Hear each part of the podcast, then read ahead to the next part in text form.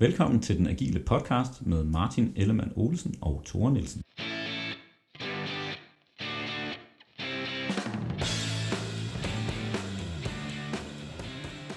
Så er vi tilbage endnu en gang. Hej Martin. Hej Thor.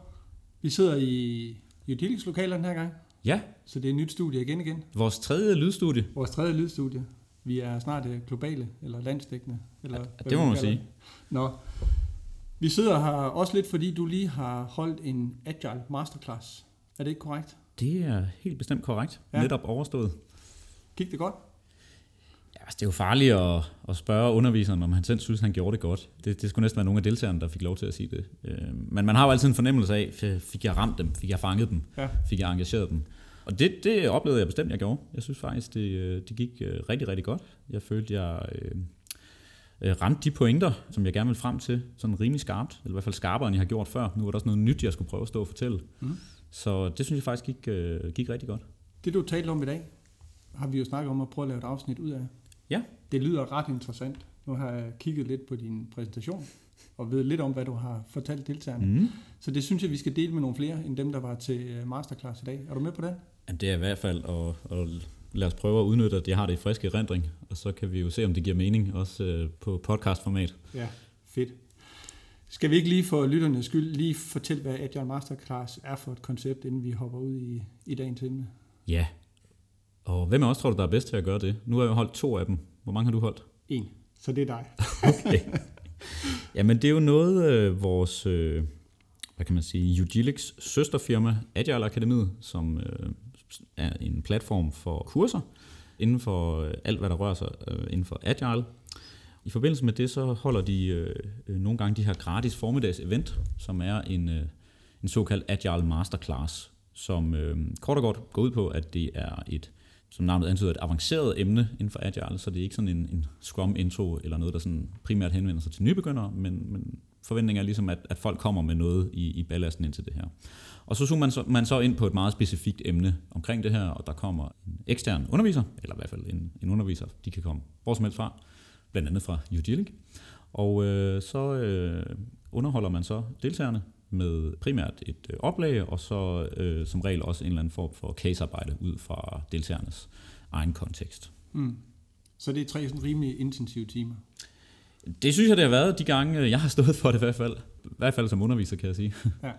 Så har man været på et kursus og sidder nogle måneder senere og tænker, what's next, så kunne masterclass være en del af svaret. Dagens masterclass hed Fysikken bag SAFE. Ja. Vil du ikke lige lave en lille indflyvning til, hvad det går ud på? Jo, det er jo øh, en titel, som øh, jeg fandt på, da jeg blev spurgt, om jeg ikke havde lyst til at holde en masterclass. Så ud fra den her titel, så lavede jeg en øh, beskrivelse, øh, hvad kan man sige, en form for kursusbeskrivelse, men egentlig uden om at have en, en rigtig idé om, hvad det skulle munde ud i. Så det er jo det der med at prøve at, at sælge et produkt, før det er bygget, og så, så bygge det bagefter, hvis, hvis man kan mærke, at der er nogen, der er interesseret i det. Øhm, og det var der jo så den her gang. Jamen, ideen opstod egentlig efter, at jeg selv havde været, øh, første gang jeg selv var på SAFE-kursus i forbindelse med at blive underviser i SAFE, hvor øh, underviseren, han, øh, han beskrev principperne bag SAFE, altså vi har de her ni principper, som øh, fysikken, eller hvad kan man sige, de fysiske love, som SAFE er baseret på. Mm. Og der var et eller andet ved den der analogi, som ligesom øh, resonerede godt ved mig, og sagde, okay, det giver sgu egentlig meget god mening. Der er et eller andet med, altså de fysiske love er jo bare et eller andet, der er derude, og noget, der gælder, og så er det jo så ligesom op til os at tilpasse os dem, og, og, og, og ligesom arbejde på en måde, som tager hensyn til de her love. Mm. Og øh, det synes jeg giver rigtig god mening, og så tænkte jeg, hvorfor ikke prøve at lave en form for workshop, hvor man tager udgangspunkt i lovene bag SAFE. Og øh, som jeg sagde til, startede med at sige til, til deltagerne, så havde jeg løjet lidt for dem. Det var egentlig ikke bare de fysiske love bag SAFE, det var fysiske love bag skaleret øh, setups, eller skalering generelt, som jeg vil tage udgangspunkt i. Ja. Så tilbage til vores afsnit om uh, Scrum at Scale og SAFE. Gælder det så for begge, eller Ja, det er jo mit øh, postulat. Så øh, for at... Jeg vil sige, jeg øh, gik ind til workshoppen med at ligesom have opstillet tre fysiske love, som jeg mente øh, var gældende, når vi snakker skalering. Ja. Og så startede jeg med lige at gennemgå en række forskellige, øh, eller vise deltagerne nogle forskellige rammeværk, deriblandt SAFE, Scrum Scale, men også LESS og Nexus, og øh, faktisk også Disciplined Agile Delivery. Ja. Selvom jeg var meget at læse af, den ved jeg faktisk ikke særlig meget om, DAT. men, men ja. DAT bliver altid nævnt lidt i sådan en... Øh, så, som en del af de der rammeværk, men jeg har ikke rigtig mødt nogen, der, der har brugt det endnu. Ja. Jeg kan godt se, at du har haft hele værktøjskassen rullet ud den her gang. Ja, så. præcis. Og, øh, men det var selvfølgelig for at fremhæve, at øh, kunne de se nogle øh, ligheder mellem de her rammeværk? Er der et eller andet fællesnævner for dem? Og øh, nu sidder du med en, en, en slide åben, som på en eller anden måde også øh, fandt sig ind der. Jamen, jeg er jo sindssygt nysgerrig, fordi jeg sidder og kigger i dine slides, og, og en af dem hedder Dantes Inferno, og så er der jeg ved ikke, hvor mange tandhjul på den her cykel, så, ja. så, så det kunne jeg godt tænke mig, og så står der hell, eller helvede i Ja, i præcis. Kender du uh, historien eller bogen? Jeg er faktisk ikke engang sikker på, om bogen hedder det, der hedder, uh, eller hele historien omkring Dantes Inferno. Nej. Altså, det er jo den her forfatter, Dante, som, uh, ja, vi skal vist et godt stykke tilbage. Mm. Nu kan jeg lige udstille, jeg ikke ved, om det er i renaissancen eller middelalderen, som skrev det her værk om uh, den her karakter Virgil, som uh, rejser ned i helvede simpelthen. Og så kommer han altså igennem øh, de forskellige cirkler i helvede. Jeg tror, der er ni tegnet på der med en masse undercirkler, ja. som øh, ligesom viser, at der er et plads til alle synderne. Så dem, der har begået mor, og jeg skal give dig, og de værste, det er altså dem, der begår forræderi. Nu vel. Der var faktisk meningen med at smide den ind. For det ene, jeg, synes, jeg smed den ind imellem de der forskellige rammeværk, fordi øh, jeg synes også, der var en eller anden, at det, det kan sgu også lidt være et helvede at snakke alle de her modeller og skalering, når vi skal ud og implementere det, og folk kan godt blive trætte af det. Og da jeg viste den der, så snakkede jeg igennem den, som om det var et rammeværk, meget, meget kort, og så gik jeg videre, og jeg kunne godt se, at deltagerne var sådan lidt, hvad, hvad var det for noget? Nå, videre, videre til ja. næste rammeværk. Øh, nej, men hvis du hopper lidt videre, så vil du se, at der faktisk var en mening med det. Fordi øh, en af pointerne med den her historie om øh, Dante, der går ned i, eller Virgil, som rejser ned i helvede, er, i hvert fald så vidt jeg øh, har, husker det, at øh, på tid, han vil jo rigtig gerne ud af helvede, og i den her nedstigning gennem cirklerne, så på en eller anden måde finder han ud af, at for at komme op, så er han nødt til at gå nedad. Ja. Så der er et eller andet omkring, at du skal gøre det modsatte, når du lige pludselig er i den her mærkelige helvedesverden. Og så den drager lidt over til, at der er lige pludselig nogle andre regler, der er på spil, når vi bevæger os ind i helvede eller skalering. Ja. Og det var som, nogen kan sige, det er måske lidt søgt, men jeg synes faktisk, den holdt meget godt. Ja. Så der er noget, hvor vi egentlig skal gøre noget, som ikke er så intuitivt, øh, når, når vi snakker i den her verden. Siger det noget om din holdning til skalering, at, øh, at du sætter lige sig mellem helvede og skalering? Jamen, det ved jeg ikke. Nogle vil jo sige, at, at for at kunne være i de her, de her ting, vi arbejder med, så er vi nødt til at have sådan en form for ironisk distance, ja. eller gå til det med, med, med lidt humor. Ikke? Øh, og det er da klart, at det, alt det her med skalering og store komplekser op, det, øh, altså, det er også hårdt at være i for mange, tror jeg, og, ja. og vi kan godt...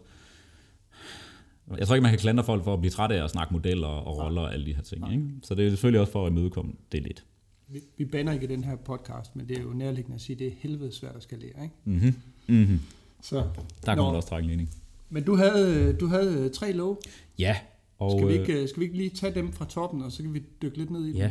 Jeg har postuleret, at øh, den første lov, det er, at øh, hvad der virker lokalt, virker ikke nødvendigvis øh, skaleret. Ikke? Mm. Den anden lov er, for at bevæge os hurtigere, så skal vi faktisk til at bevæge os langsommere i hvert fald gøre noget langsomt. Ja.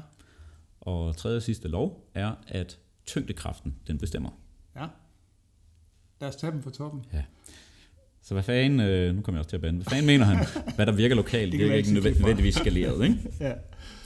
Og den leder også over til, at hvad, det, hvad der virker i en lokal kontekst, det vil sige på et enkelt team, hvis vi optimerer et teams rammer og sørger for, at de har de bedste øh, specialister på det her team, og øh, de har vi får maksimeret mængden af opgaver, de kan arbejde på, så er det ikke nødvendigvis det bedste for hele organisationen eller hele virksomheden, som det her team er en del af. Mm. Selvom man skulle tro, at hvis alle bare arbejder hurtigere og, og maksimalt effektivt, så burde det jo være godt for helheden. Ikke? Mm. Og der øh, hiver jeg så et værktøj frem i forhold til at forstå den her lov, som jeg selv har opstillet, som hedder systemtænkning. Mm. Er du bekendt med det? Ja, det er jeg trods alt bekendt med. Ja. Men øh, lad, os lige, øh, lad os lige også for skulle der være nogle lytter, der ikke er bekendt med det, så lad os lige rise op, hvad det går ud på. Ja, nu kunne jeg jo være fræk, fordi ellers er det mig, der kommer til at snakke meget af tiden her. Hvad, hvis du kort skulle definere, hvad går systemtækning ud på? Som jeg plejer at forklare det, så er en klassiker, hvis man ikke systemtænker, det er, at vi har en organisation med en masse projekter. Der er et projekt i krise, mm-hmm. og så tager vi en dygtig udvikler eller arkitekt for et andet projekt, der skal være med til at redde det projekt. Og det projekt vedkommende kommer fra, kommer så i krise, og så tager vi en fra et andet. Det vil sige, at vi har det her, som du siger, lokale fokus, mm. hvor vi optimerer den lokale kontekst, og så kan man så ligesom løbe rundt som leder eller som arkitekt med sit lille brandtæppe og forsøge at slukke alle de her små øh, lokale brænde. Ja. Og hvis man fokuserer på hele systemet i stedet for på delene i det, så vil man gøre sig den overvejelse, skal vi i virkeligheden øh, lade det der første projekt fejle med de mm. konsekvenser, det måtte have, for så at de øvrige projekter faktisk øh, kommer i mål. Så det er det der med at kigge på helheden og have styr på, gør jeg noget et sted, hvilke konsekvenser har det så andre steder. Ja. Det er i hvert fald min sådan, forståelse af det. Ja, den øh, vil jeg jo mene er helt korrekt. Det, som du siger, så begynder vi jo at, at definere for eksempel projekter og de mennesker, der arbejder på det, som et system. Ja. Og et system består af en, en række enkeltdele, og hvad der er vigtigt i systemting er at forstå, at det ikke blot delene i sig selv og summen af dem, vi, øh, vi skal kigge på for ligesom at forstå, hvordan et system performer. Det er faktisk også interaktionerne mellem de her enkeltdele. Ja. Og øh, analogien, jeg har frem her ved oplægget, det var den der omkring en, øh, en pizza-restaurant ude i køkkenet, at vi kunne øh, optimere omkring arbejdsfordeling, så der er en, der står og hakker løg, og det gør han bare maksimalt, og, og han er den bedste løghakker i verden, og der bliver bare spyttet løg ud. Men øh, er, det, er det godt for det system? Fordi hvad er formålet med det system? Jamen det er nok at levere pizza, eller få mm. nogle pizzaer ud i restauranten. Ikke? Ja. Og det vi bare maksimerer lokalt omkring øh, løghakningen, jamen ikke alene så gavner det nok ikke øh, helheden i forhold til at få flere pizzaer ud. Noget andet er, at det kan faktisk også komme til at, at, at sløve performancen for hele systemet. Mm. Altså hvis der ligger løg over det hele, så er det måske svært at komme lidt frem. Ikke? Ja. Øhm, så står resten af tudet og kan ikke... Øh... Ja, ja, præcis, vi får vand i øjnene og så videre. Ikke? Og, og det er jo sådan det, der er pointen med systemtænkning. Ja. Og man kan jo se alt som et system, og noget af udfordringen med systemtænkning er jo, er jo at få defineret, hvad er systemet. Ja. Snakker vi et team, snakker vi et team i kontekst af flere teams, snakker vi organisation som helhed. Øh, meget hurtigt kan man komme til at skulle tage hensyn til hele verden. Ikke? Så, ja. så man er lidt nødt til at scope den her del. Ikke? Ja. Og for at arbejde med det, så øh, tog jeg fat i en øvelse, som hedder, altså det formelle navn er Causal Loop Diagrams. Systemmodellering kan vi også kalde det. Mm. Som er en øvelse, jeg opdagede, da jeg var på kursus faktisk med skaberne Les Craig Larman, som egentlig er, at man står foran en øh, tavle eller whiteboard, og øh, har defineret nogle parametre, som man gerne vil kigge på i forbindelse med et system, og prøve at se, hvad er korrelationen mellem de her parametre, hvordan påvirker de hinanden. Mm det er jo, jeg, jeg ved ikke, hvordan det fungerer på lydformat, nu kan jeg ikke stå og tegne, men, men det er jo det her med, at du, øh, du kan tage et element og se, okay, vi har noget omkring antallet af features, at Teams leverer for eksempel. Ja. Det kunne vi som organisation have en interesse i, det vil gerne maksimere. Ikke? Det er måske meget normalt, man gerne vil levere, fokusere på leverancer og øge dem. Ikke? Og så kunne vi kigge på, hvilken effekt har det, hvis vi prøver at optimere mod det. Og så smider vi nogle flere parametre ind i bunken, og så ser vi, okay, jamen, jo flere øh, øh, features, vi skubber ud, a.k.a. vores velocity stiger, jamen øh, jo mere kode er der, hvad sker der så med antallet af fejl og defects? Jamen, den, den, den hænger nok naturligt sammen med, at så er der også en højere risiko for det. Så kunne vi smide et par pæner ind, at der er en, øh, hvad kan man sige, et pres på at levere mere. Jamen, hvordan kan det påvirke det? Jamen, det påvirker nok, at vi ikke har så meget tid til at hvad sige, lave ordentlig kode, eller ren kode. At den, den går nok ned mindre ren kode vi har, jamen, jo flere defects får vi, jo sværere er det måske at lave nye features. Og så kan man ligesom konkludere ud fra det her eksempel, at jo mere pres på vi, vi har for at bevæge os hurtigt og få skubbet ud, jo mere skader det egentlig vores mål med, for til sidst kan vi slet ikke få features i produktion, fordi vi har crappy code. Ikke?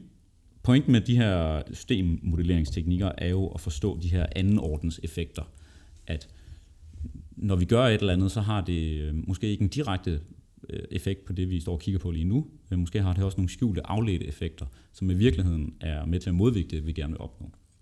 Så det var ligesom en, øh, et rigtig godt værktøj til at få inviteret deltagerne ind og selv stå og resonere sig frem til nogle forskellige pointer omkring, nu var det det her tilfælde omkring øh, leverancer og kode, men vi snakkede også lidt omkring backlogs og organisering, og hvad, hvad havde det for en, øh, en effekt på agilitet og det at maksimere værdi, for eksempel. Ja. Så når vi snakker skalering, så er det så handler det vel om at prøve at optimere, finde et eller andet sweet spot, hvor det ikke nødvendigvis er, er, er fuldstændig optimalt lokalt for det enkelte teams, ja. men hvor vi tager hensyn til alle de teams, der måtte være en del af det her skaleret setup. Ikke? Ja, og vi bliver bevidste om, hvad er det en vores fælles overordnede systemmål er, vi ja. gerne vil optimere imod. Ikke? Ja. Fordi man kan jo sagtens sige, hvis vi siger, at vi gerne vil optimere, at hver enkelt afdeling performer godt isoleret og når deres tal, så kan vi jo godt gøre det. Ja. Men hvis vi samtidig har et mål om, at vi skal, vi, vi skal ud og have gode kundeoplevelser, eller øh, få leveret nogle produkter til kunden, som er afhængige af alle de her afdelinger, jamen, så er det ikke sikkert, de systemmål er kompatible. Ikke? Og så er det, at vi kunne have en diskussion på ledelsesniveau og finde ud af, hvad er det egentlig, vi gerne vil optimere hen imod? Ja. Og hvad har det så af konsekvenser rundt omkring lokalt? Ikke? Og et konkret eksempel kunne vel være et team, der estimerer i vingummibamser, et, der gør i t-shirt størrelser, et, der gør i storypoints, mm. og et, der gør i timer. Og så skal der lige pludselig, så har vi brug for et eller andet overblik på tværs af det der system, og så er det svært at omsætte en rød vingummibamse til en, øh, til en ekstra small, eller hvad det nu måtte være i ja. t-shirt størrelse. Ja. Så der vil det for helhedens skyld være nemmere, at vi ligesom havde samme valuta at, ja. at estimere i. Men for det enkelte team vil det være enormt ærgerligt at, at skulle afgive de her vingummibamser. For nu har de fundet noget, der fungerede rigtig ja. godt for dem. Ja. Og jeg synes, jeg har set det her øh, mange, altså alle steder, jeg har været, at hvis man sætter sig i de her menneskers sted, så lokalt giver det jo fin mening, at lad os sige, alle dem, der skriver kode, de sidder på samme team, for de kan spare, og de kan virkelig optimere, altså selvfølgelig i forhold til kodekvalitet, men også bare, at de bruger deres tid i går så en effektiv på at øh, altså virkelig at fokusere på at skrive kode. Og så kan det jo godt være svært, hvis man står i den situation, at se, hvorfor skal jeg til at bruge tid på at øh, sidde til møde og lave refinement og forstå kravene, når jeg kunne bruge tiden i gåsøjne mere effektivt på den anden måde. Ikke? Og der er jo det der med at kunne hive det op og sige, hvad er det overordnede mål, vi har her på tværs af både udvikling og design og test og alle de der ting, jamen det er jo at levere nogle lever, altså et eller andet, som nogen kan bruge. Okay. Så, så er det i det store billede måske mere effektivt, at dem, der skriver kode, at de også bruger noget tid på at sidde og forstå kravene sammen med dem, der sidder og definerer kravene. Ja. Ja. Så, og konklusionen på den, øh, hvad kan man sige, øh, fysiske lov, det er jo selvfølgelig at undgå lokal optimering og stræbe efter at have de her systemoptimering. Ja, hvis jeg må udfordre den lidt, og jeg antager, at du er enig, så siger vi jo også, at når man laver en agil transformation, så er det jo godt at eksperimentere. Det vil sige, at i den indledende fase kan man fint eksperimentere med, i mit sådan lidt søgte eksempel, at nogen estimerer vingummibamser, nogen gør mm. t-shirt størrelse, og nogen i point. Og så kan man via empirien finde ud af, hvad er egentlig den optimale måde øh, at gøre det på. Og så er det det, der, der bliver de facto standard, i stedet for at vi gætter os til, om det nu skal være det ene eller det andet. Ikke? Ja, og der kan man sige, der har vi måske i den periode et systemmål om at maksimere øh, læring, maksimere empiriindsamling, og måske også maksimere ejerskab for dem, som skal lære at arbejde med det. Ja. Og der kan vi jo sige, hvis, hvis de får mulighed for at selv definere og prøve ting af, så har de nok også ejer, større ejerskab med de her estimeringsteknikker, end hvis der kommer nogen. Nå, vi har testet af herover, nu skal I alle sammen gøre sådan her. Ikke? Ja. Så kan det måske være svært at sluge. Ikke? Ja. Og en uh, tommelfingerregel, vi plejer at lægge ned over det, er jo også, at det, der foregår lokalt inde i teamet, det vil sige, hvordan de internt samarbejder, det må de sådan set i princippet selv om, og der kan der godt være øh, lokale forskelligheder. Ja, ja. Lige så snart det har afhængighed af referencer til andre teams, ja. så skal vi på et eller andet tidspunkt, når man begynder at skalere, finde en fælles form ja. på det. Ikke? Er det ikke konklusionen på det? Jo, altså nu, lokal optimering kan jo også være, være fint nok. Det er, jo, det er jo typisk også det, der er effektivt. Man skal bare sikre, at den lokale optimering ikke går ud over det globale view og systemoptimering. Ikke? Og den pointe, du startede med, var, at man kan ikke antage, at det bare skalerer, fordi det virker lokalt. Ikke? Lige præcis. Godt. Skal vi ikke øh, hoppe, hoppe ned til øh, din anden lov? Ja. For at gå hurtigere, skal vi gå langsommere. Ja, og det var ligesom min måde at illustrere det der, der også var gældende for Virgil, at nogle gange, hvis vi gerne vil opnå noget, så skal vi egentlig gøre noget andet. Og det er en pointe, som øh, jeg i hvert fald er stødt på rigtig, rigtig mange steder, hvor den ikke er særlig intuitiv. Ikke? Mm. Det, den der lov så lægger op til, det er jo så, at jeg dykker ned i kø- og flow-teori. Og kort sagt, så er det jo noget, som øh, alle, der har beskæftiget sig med de her rammeværker, alle, der har beskæftiget sig med Lean, jo godt kender til. Så ja. vi kender det her med, at vi skal prøve at maksimere øh, flowet hen mod værdien. Øh, vi skal fjerne alt det, der står i vejen for. Vi skal være opmærksom på, øh, øh, hvor meget vi har, øh, altså work in progress, vi har øh, gang i, øh, og sikre, at der ikke opstår køer rundt omkring i, øh, i hele det her flow-system. Ja, så tilbage til løgsnitteren. Hvis han snitter dobbelt så hurtigt, som den næste i kæden kan tage ja. fra, så danner det bare en kø og nogle løg, der ligger og bliver dårlige. Ja.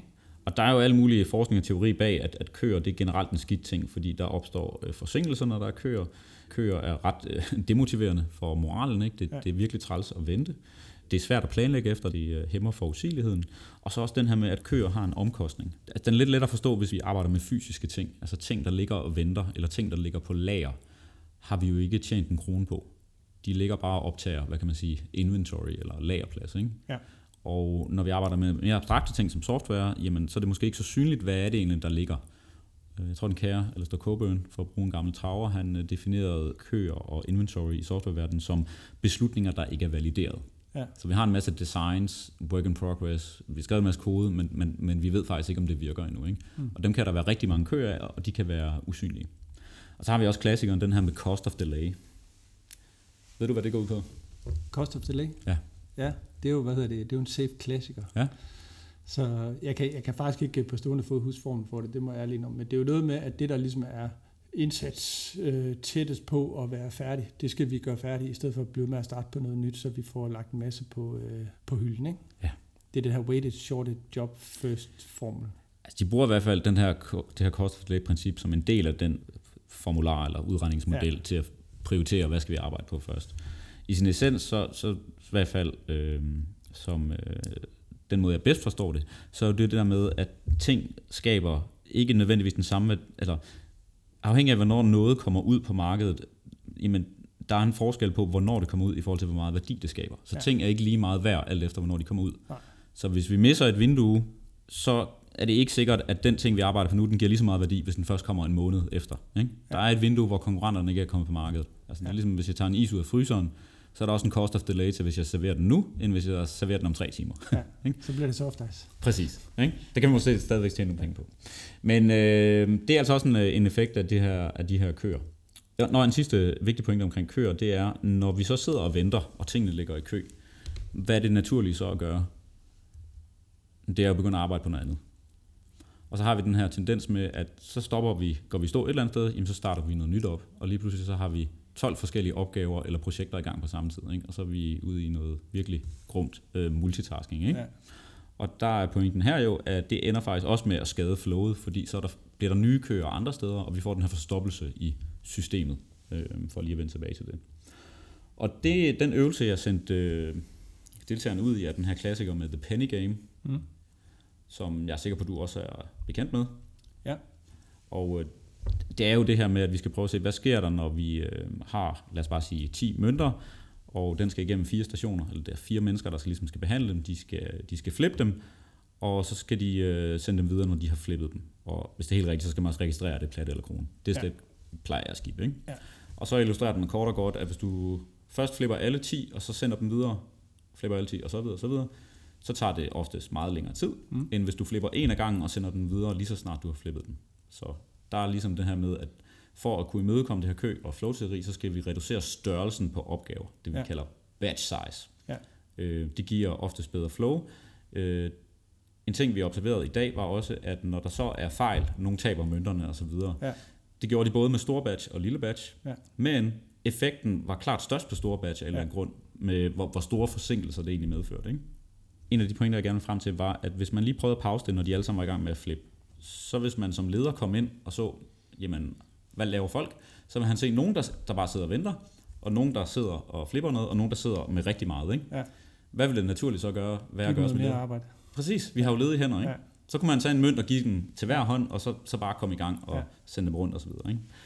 Og, og det, der selvfølgelig så sker der, hvis man skulle køre øvelsen færdig, øh, er, at, at, at så stopper hele systemet til, og det er faktisk rigtig, rigtig svært at få noget igennem, fordi det er hele tiden, og vi skal handover og koordinere alle de der ting. Ikke? Ja. Så pointen her øh, er jo selvfølgelig også, at det er øh, en skidt ting at køre 100% udnyttelse af ressourcekapacitet, tror jeg ja. er det bedste danske ord for det. Ikke? Ja. Som det der med at se, hvor meget kapacitet har til rådighed, både på individ, team, organisatorisk, og så bare fylde max op. Ikke? Ja. Fordi så er det, at hvis der kommer nogle afvielser, så, så, så begynder det hele at gå i stå. Ikke? Altså, du kender det godt, hvis du, hvis du kører ud på... Hvis motorvejen er fyldt helt op kapacitetsmæssigt, ikke? Ja. hvad sker der så?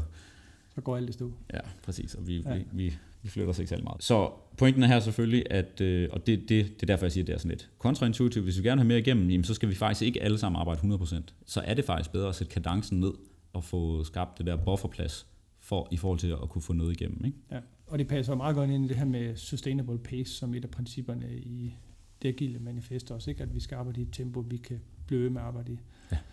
Og som, som jeg har fået forklaret Penny Game dengang, jeg fik det forklaret af Dean Levingwell, øh, så, at, så er det her med variansen i batstørrelse faktisk ja. helt centralt. Ja. Det er ikke så meget det der med, at det går hurtigere, det, det er selvfølgelig en dejlig sideeffekt, men det er mere det der med, at du får en robustere proces, og dermed får du en, en bedre mulighed for også at forekaste i virkeligheden. Ja. Fordi ja. at batch forskellen er meget mindre. Som du siger, hvis nogen taber alle 10 mønter, så går der enormt lang tid med at samle det op. Ja, ja. Og i den anden, der arbejder de andre videre. Præcis. Og faktisk, det der med varians kan du også se, hvis du kører den i flere grupper parallelt.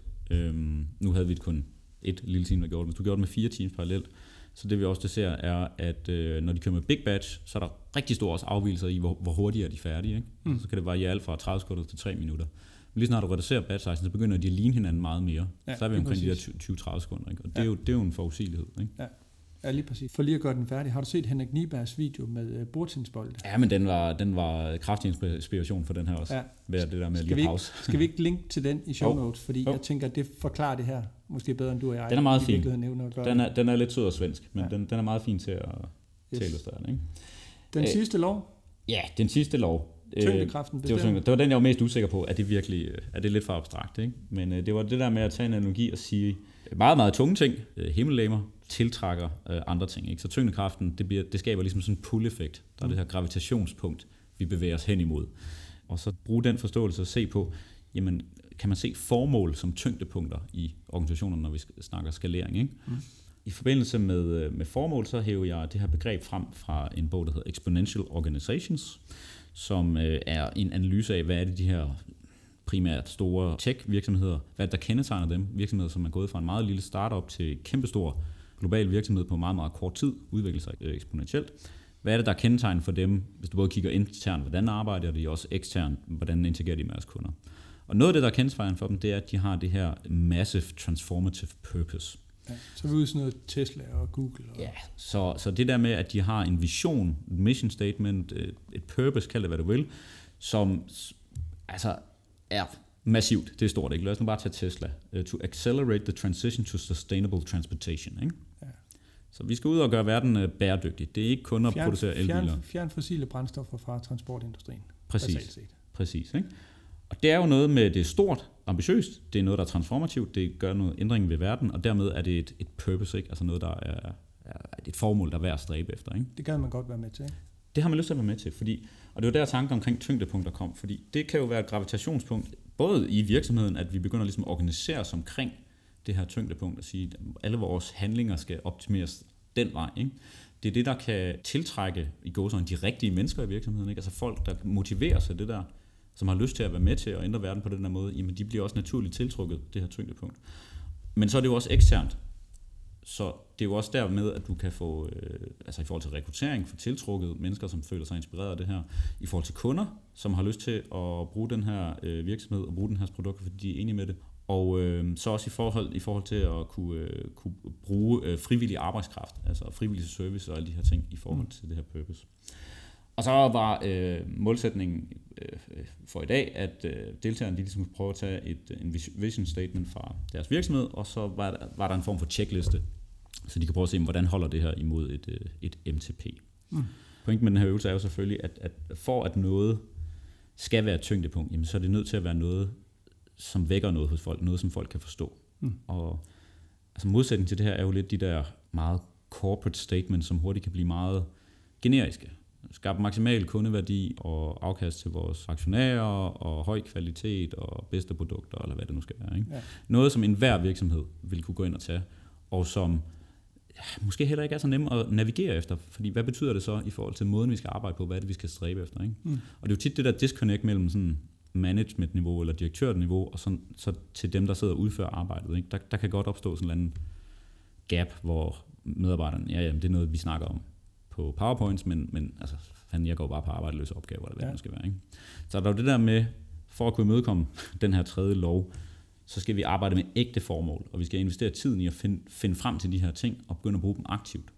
Nu er det ikke fordi, at alle i en virksomhed som Tesla nødvendigvis skal have den der med, Nå, det, det handler kun om at fjerne fossile bremser for osv. Det kan jo godt nedskaleres til, jamen, hvad er det så inden for den her afdeling, vi skal stræbe efter, eller hvad er det inden for det her team, vi skal, vi skal stræbe efter. Ikke? Så det var egentlig tanken med øh, lov nummer tre. Jeg er lidt nysgerrig på, hvordan de tog imod det, fordi det er jo ikke særligt dansk at slå så stor brød op, kan man sige. Nej, altså jeg i tale satte det jo også som om, at okay, det her det giver måske mening, hvis man er Google eller en amerikansk Silicon Valley-kontekst. Ja. Når vi siger, at vi skal ud og påvirke verden, så kan vi jo godt definere verden som, er det vores industri? Er det lige præcis øh, i det her område? Øh, er, det, er det bare i Danmark, vi snakker om osv.? Er det, er det omkring vores kunder? Øh, er det det, der er verden? Ikke? Mm. Og det er selvfølgelig også kunsten her at kunne kigge på nogle af de der meget, meget højflyvende ting og lade sig inspirere af det, og så kunne få lavet noget, der er meningsfuldt i mm. forhold til de virksomheder, man er i. Altså, det kan også blive alt, alt for højflyvende og for abstrakt, ikke? at man inden for en kommune skal være, jeg tror det er et eksempel fra en kommune på Fyn, som lige pludselig skulle være Danmarks Toskana eller et eller andet. Ja, ja. Noget, som ikke rigtig resonerede så meget med, med virkeligheden, ikke? og så, så bliver det bare noget gøjl. Ikke? Skal du passe på jer for Aalborg, det er Nordens Paris, det ved du godt, ikke? Ja, ja, men, øh, men den kan I jo stå indenfor. Ikke? Lige præcis. men ja. det er rigtigt, og det er, øh, der er jo noget om det, og man, man føler sig draget på en eller anden måde af, af de her formål, og, og det, som de giver udtryk for. Men der er også noget uddansk over det, ikke? Altså når, når Carlsberg siger, probably the best beer ja. in the world, ikke? Altså ja. det der, den der underspillethed, ja. der er i probably, ikke? Ja det, det taler jo til os. Altså ja. det, det fungerer jo enormt godt, ikke? Ja. Øh, og jeg har hørt i USA, har de enormt svært ved at forstå det, at det skulle være kun måske den bedste øl, så gider de ikke drikke det. Ikke? Nej, nej, nej, altså, præcis. Det skal være den bedste, ellers gider de ikke drikke Aim high. Ja. ja. Så. så. men altså, det er jo lige så meget for at sige, at jeg synes især, når vi snakker skalering, at der skal virkelig være nogle meningsfulde formål, ikke? Hvis, de skal, hvis det er noget, vi skal kunne bruge til noget. Ikke? Mm. Og, og, og det er særligt vigtigt at have de her fælles mål. Ikke? Altså lad os bare sige, tyngdepunktet her skal jo være det systemmål, vi gerne vil optimere hen imod, ikke? når vi mm. skal forstå, hvordan vi skal organisere os. Ikke? Og der, der synes jeg virkelig, at det er vigtigt at lægge noget arbejde i og gøre det relevant og mm. meningsfuldt, så folk forstår, hvorfor er det, vi bygger det her. Ja. Hvorfor er vi i den her værdistrøm? Hvorfor arbejder vi på de her ting? Det er sjovt, da jeg læste din lov, tyngdekraften bestemmer, uden at have set din, øh, eller hørt din forklaring og mm. set din fortolkning af det, så troede jeg faktisk, at det du ville give udtryk for, det er den tyngdekraft, der er i alle organisationer. Altså mm. de opbyggede strukturer ja. og magtbaser og altså ja. processer og alt det, der er, ja. som jo i virkeligheden kan være en hemsko for at gøre tingene anderledes. Ja. Og hvor der er personlig prestige og magt og stillinger og alt muligt andet på spil, når man skal begynde at arbejde og, og Der, og der fungerer den analogien lige så godt, ikke? Og der, ja. det kunne det lige så godt have været, at og igen, hvis man tager den i forhold til lokal versus systemoptimering, så er der en masse lokale optimeringer, altså en incitamentstruktur, en ja. bonusordning. Vi belønner alle dem, der arbejder med test. Vi har for, hvor gode de er til at teste, og de har en karriere, så de skal blive til testmanagers og alle de der ting. Ja. Så kan vi godt stå og prædike om krydsfunktionelle teams og vidensdeling og alle de der ting. Men der har du så et tyngdepunkt i forhold til de her incitamentstrukturer, som bare fastholder folk, ikke? Ja. Jo, og det er jo ikke nogen, der bare er der. Det er i hvert fald noget, jeg har lært. Der, der bliver puttet enormt meget energi i at vedligeholde status quo. Ja. Altså at blive ved med at fastholde den struktur, den belønning og ja. karrierestig. Der bliver jo brugt tonsvis af timer og penge og alt muligt andet på faktisk at fastholde. Ja, ja nu siger jeg status quo. Ikke? Ja. Øh, og den energi skal man jo have frigivet, hvis man skal gøre tingene anderledes. Derfor er man ja. også nødt til at gå op med nogle af de strukturer. Måske, kan vi, måske er det lidt søgt, men måske kan vi koble dem på den måde, at det, at det er så svært at gøre op med min definition af tyngdekraften, altså alt det eksisterende, mm. er jo grund til, at mange tager deres startup-initiativer og lægger ud i en selvstændig virksomhed mm. uden for virksomheden. Mm. Og de bliver jo typisk født med noget, der ligner en MTB. Ja. Ja. Det kan godt være, at det ikke er fjerne fossile brændstoffer, men, men det plejer at være lidt mere højtflyvende, ja. end det moderskibet ja. står for. Ja.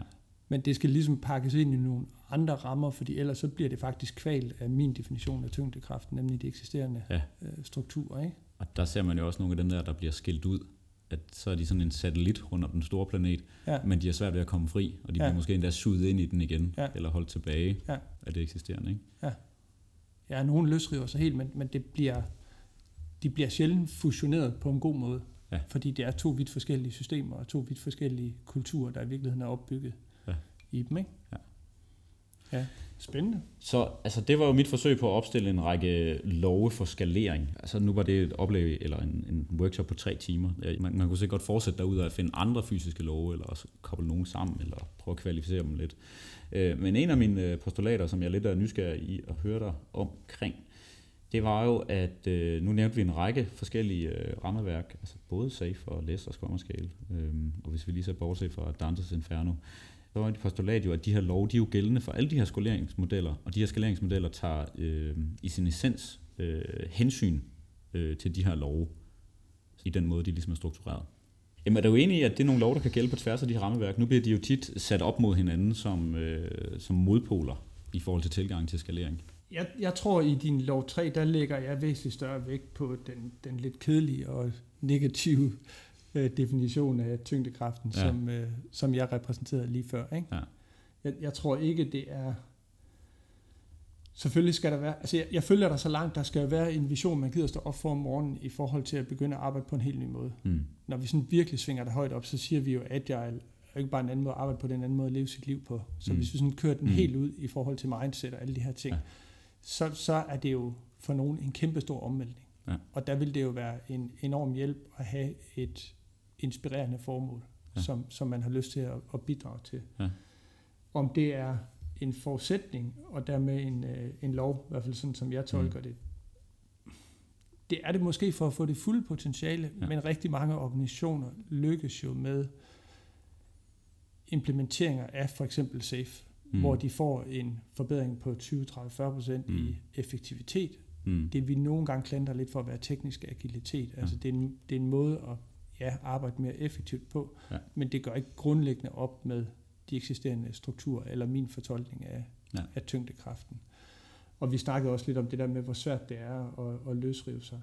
Den første, det, det køber jeg 100% øh, ind på. Ja. Og der, der falder vi jo nogle gange i... Det her med lokal optimering. Ja, lige præcis med lokal, ja, undskyld, med lokal kontra øh, og skalere ting. Ikke? Ja. Og der falder vi jo nogle gange i den der fælde med, at vi starter med at sætte teamsene fri, så at sige, og de får lov at arbejde stort set som de vil, og definere deres egne processer. Og det synes de er fedt, for det, det er de ikke vant til. Det må de normalt ikke, og de finder en masse arbejdsglæde i det. Og lige pludselig skal de være, bliver der lagt nogle begrænsninger på dem, fordi de skal være en del af et skaleret setup, og dermed arbejde sammen med nogle andre. Der er i hvert fald en ledelsesopgave i at få forklaret dem, hvorfor det også er en god idé, at vi så alle sammen bruger, om det så er Jira eller TFS, mm. men vi mm. ikke bruger hver vores værktøj, vi har valgt, fordi det havde ja. vi lige præference for. Ikke? Ja. Som er et andet eksempel på, at der kan være ræson i. Ja. Og ikke bare optimere lokalt, men også ja. vælge noget på tværs, som kan skalere. Ikke? Ja. ja jeg, jeg synes jo, at den store fællesnævner på tværs af de her rammeværk, er jo, at det springer jo lige øjet, at det er jo alt sammen baseret på teams. Ikke? Jo. Der er jo ingen af dem her, der foreslår, at vi har en masse specialister, og så laver vi et eller andet koordineringsrammeværk om at få dem til at arbejde sammen. Og for mig at se, at det er jo netop for at tage hensyn til de første to love, at vi er nødt til at lave en mere global optimering. Altså vi anerkender, at det er bedre at have de her krydsfunktionelle team, hvis man ser det som en, et, et system, frem for at optimere lokalt på specialister. Ikke? Ja. Og det er også bedre at få de her forskellige teams, når vi så har dem, til at arbejde sammen i en eller anden form for kadence, PI's, sprintsynkronisering, hvad det nu, hvad det nu skal være. Der tager vi ligesom også hensyn til de her kræfter. Og så refererer øh, stort set alle rammeværkene jo rimelig eksplicit til alle de her teorier omkring køer og øh, flow og lean og de her ting. Ikke? Ja. Og introducere whip limit og vil gerne have, at vi bryder batch sizes ned og også at vi ikke fylder vores kapacitet 100% op. Ikke? Mm.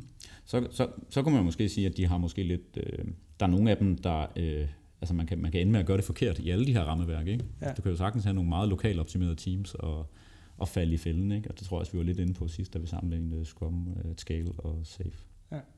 Jeg tror faktisk, hvis jeg skulle tilføje en fjerde, nu har jeg lige haft tid mm. til at tænke mig lidt ja. om, øh, nu er det jo første gang, jeg ser dine tre lov her, men hvis jeg lige sådan on the fly skulle tilføje en fjerde, så kunne det være, at man skal ændre strukturen, hvis man vil ændre kulturen. Ja. Jeg tror, vi har været inde på det i tidligere afsnit. Men det der med at sige, nu skal vi have en anden kultur, og så fastholder man, apropos den der tyngdekraft, ja. de eksisterende strukturer.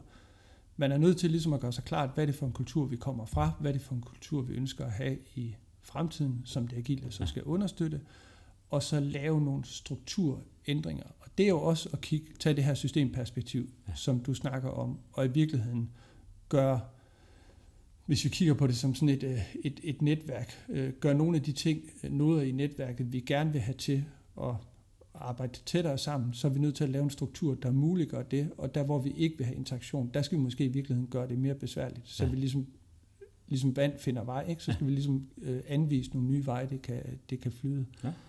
Så, så det tror jeg egentlig gælder for alle de her, og tilbage til øh, vores snak om SAFE, hvor en del af, øh, et af mine kritikpunkter var, at safe nogle gange bliver tilpasset, den, altså bliver sådan noget, man lægger ned over den eksisterende mm. struktur. Ja. Så vi fastholder i virkeligheden ja. øh, den struktur, vi har med en topledelse, der udstikker en strategisk retning og ja. nogle styregrupper og så videre derned efter ja. øh, et programlag og alle de her ting. Ja.